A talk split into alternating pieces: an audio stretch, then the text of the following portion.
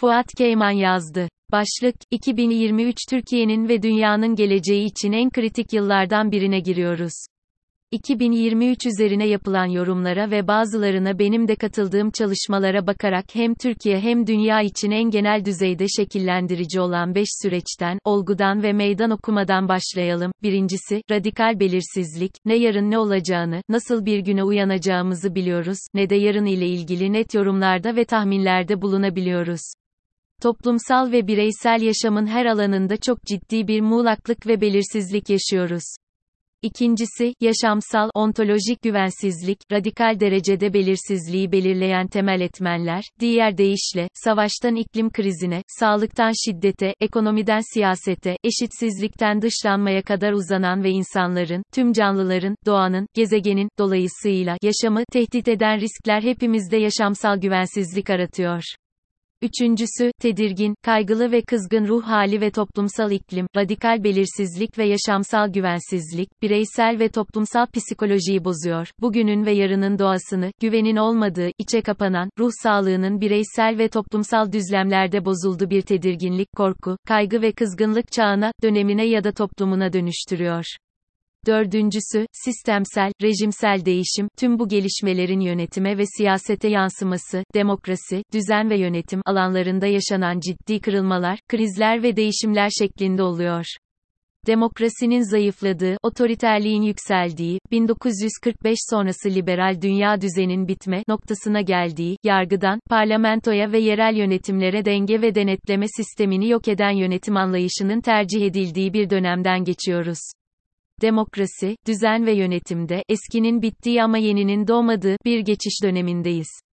Beşincisi, küreselleşmenin krizi ya da bitimi, savaştan ekonomik krize, gıdadan enerjiye, küresel ısınmadan biyoçeşitliliğin yok edilmesine ve işsizlikten, yoksulluktan şiddet ve ötekileşmeye kadar uzanan geniş yelpazede oluşan sorunlar, bir taraftan ulus devletlerin tekrardan güçlenmesine ve devletler arası esnek ittifakların yapılması tercihine yol açarken, var olan küreselleşmenin de çok ciddi krizini, deglobalizasyon, yarattı uluslararası sistemin çok kutuplu bir yapıya dönüşmesi, küreselleşme içinde mi yoksa ulus devletler ve devletler arası esnek ittifaklar yoluyla mı olacağı yanıtını bekleyen bir soru durumunda.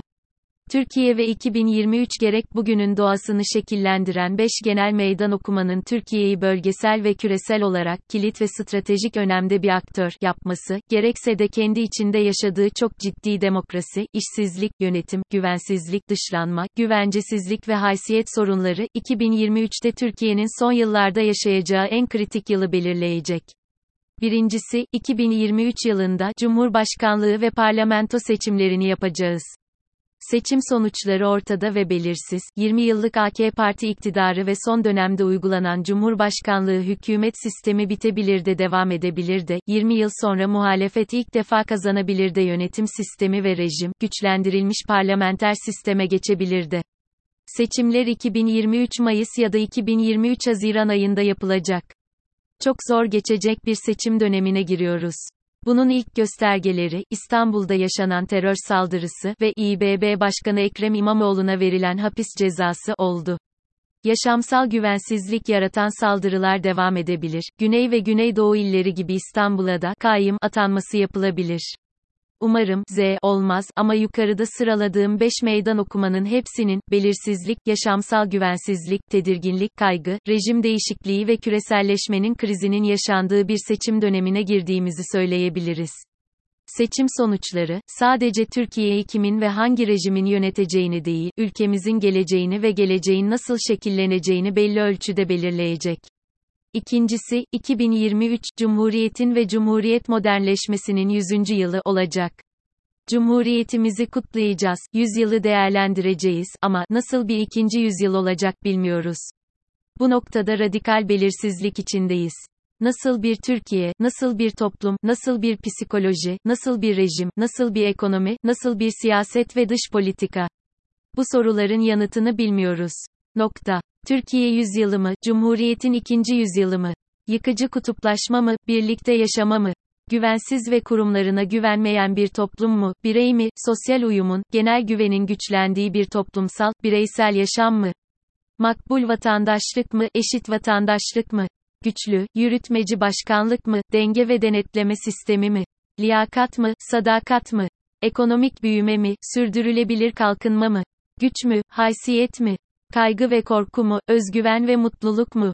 Antropozun insan odaklı mi, yaşamsallık, yaşamdaşlık mı?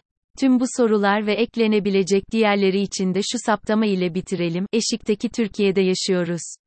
2023 ve Cumhuriyet'in ikinci yüzyılında nasıl bir Türkiye'de yaşayacağız? Yanıtını bilmediğimiz bir soru olarak önümüzde duruyor. Seçimler ve sonuçları çok önemli ama tek başına tüm bu sorulara yanıt değil. Yaşayacağız, tartışacağız, mücadele edeceğiz, göreceğiz. Hepinize mutlu ve sağlıklı, barışın, vicdanın ve demokrasinin güçlendiği bir yeni yıl dilerim.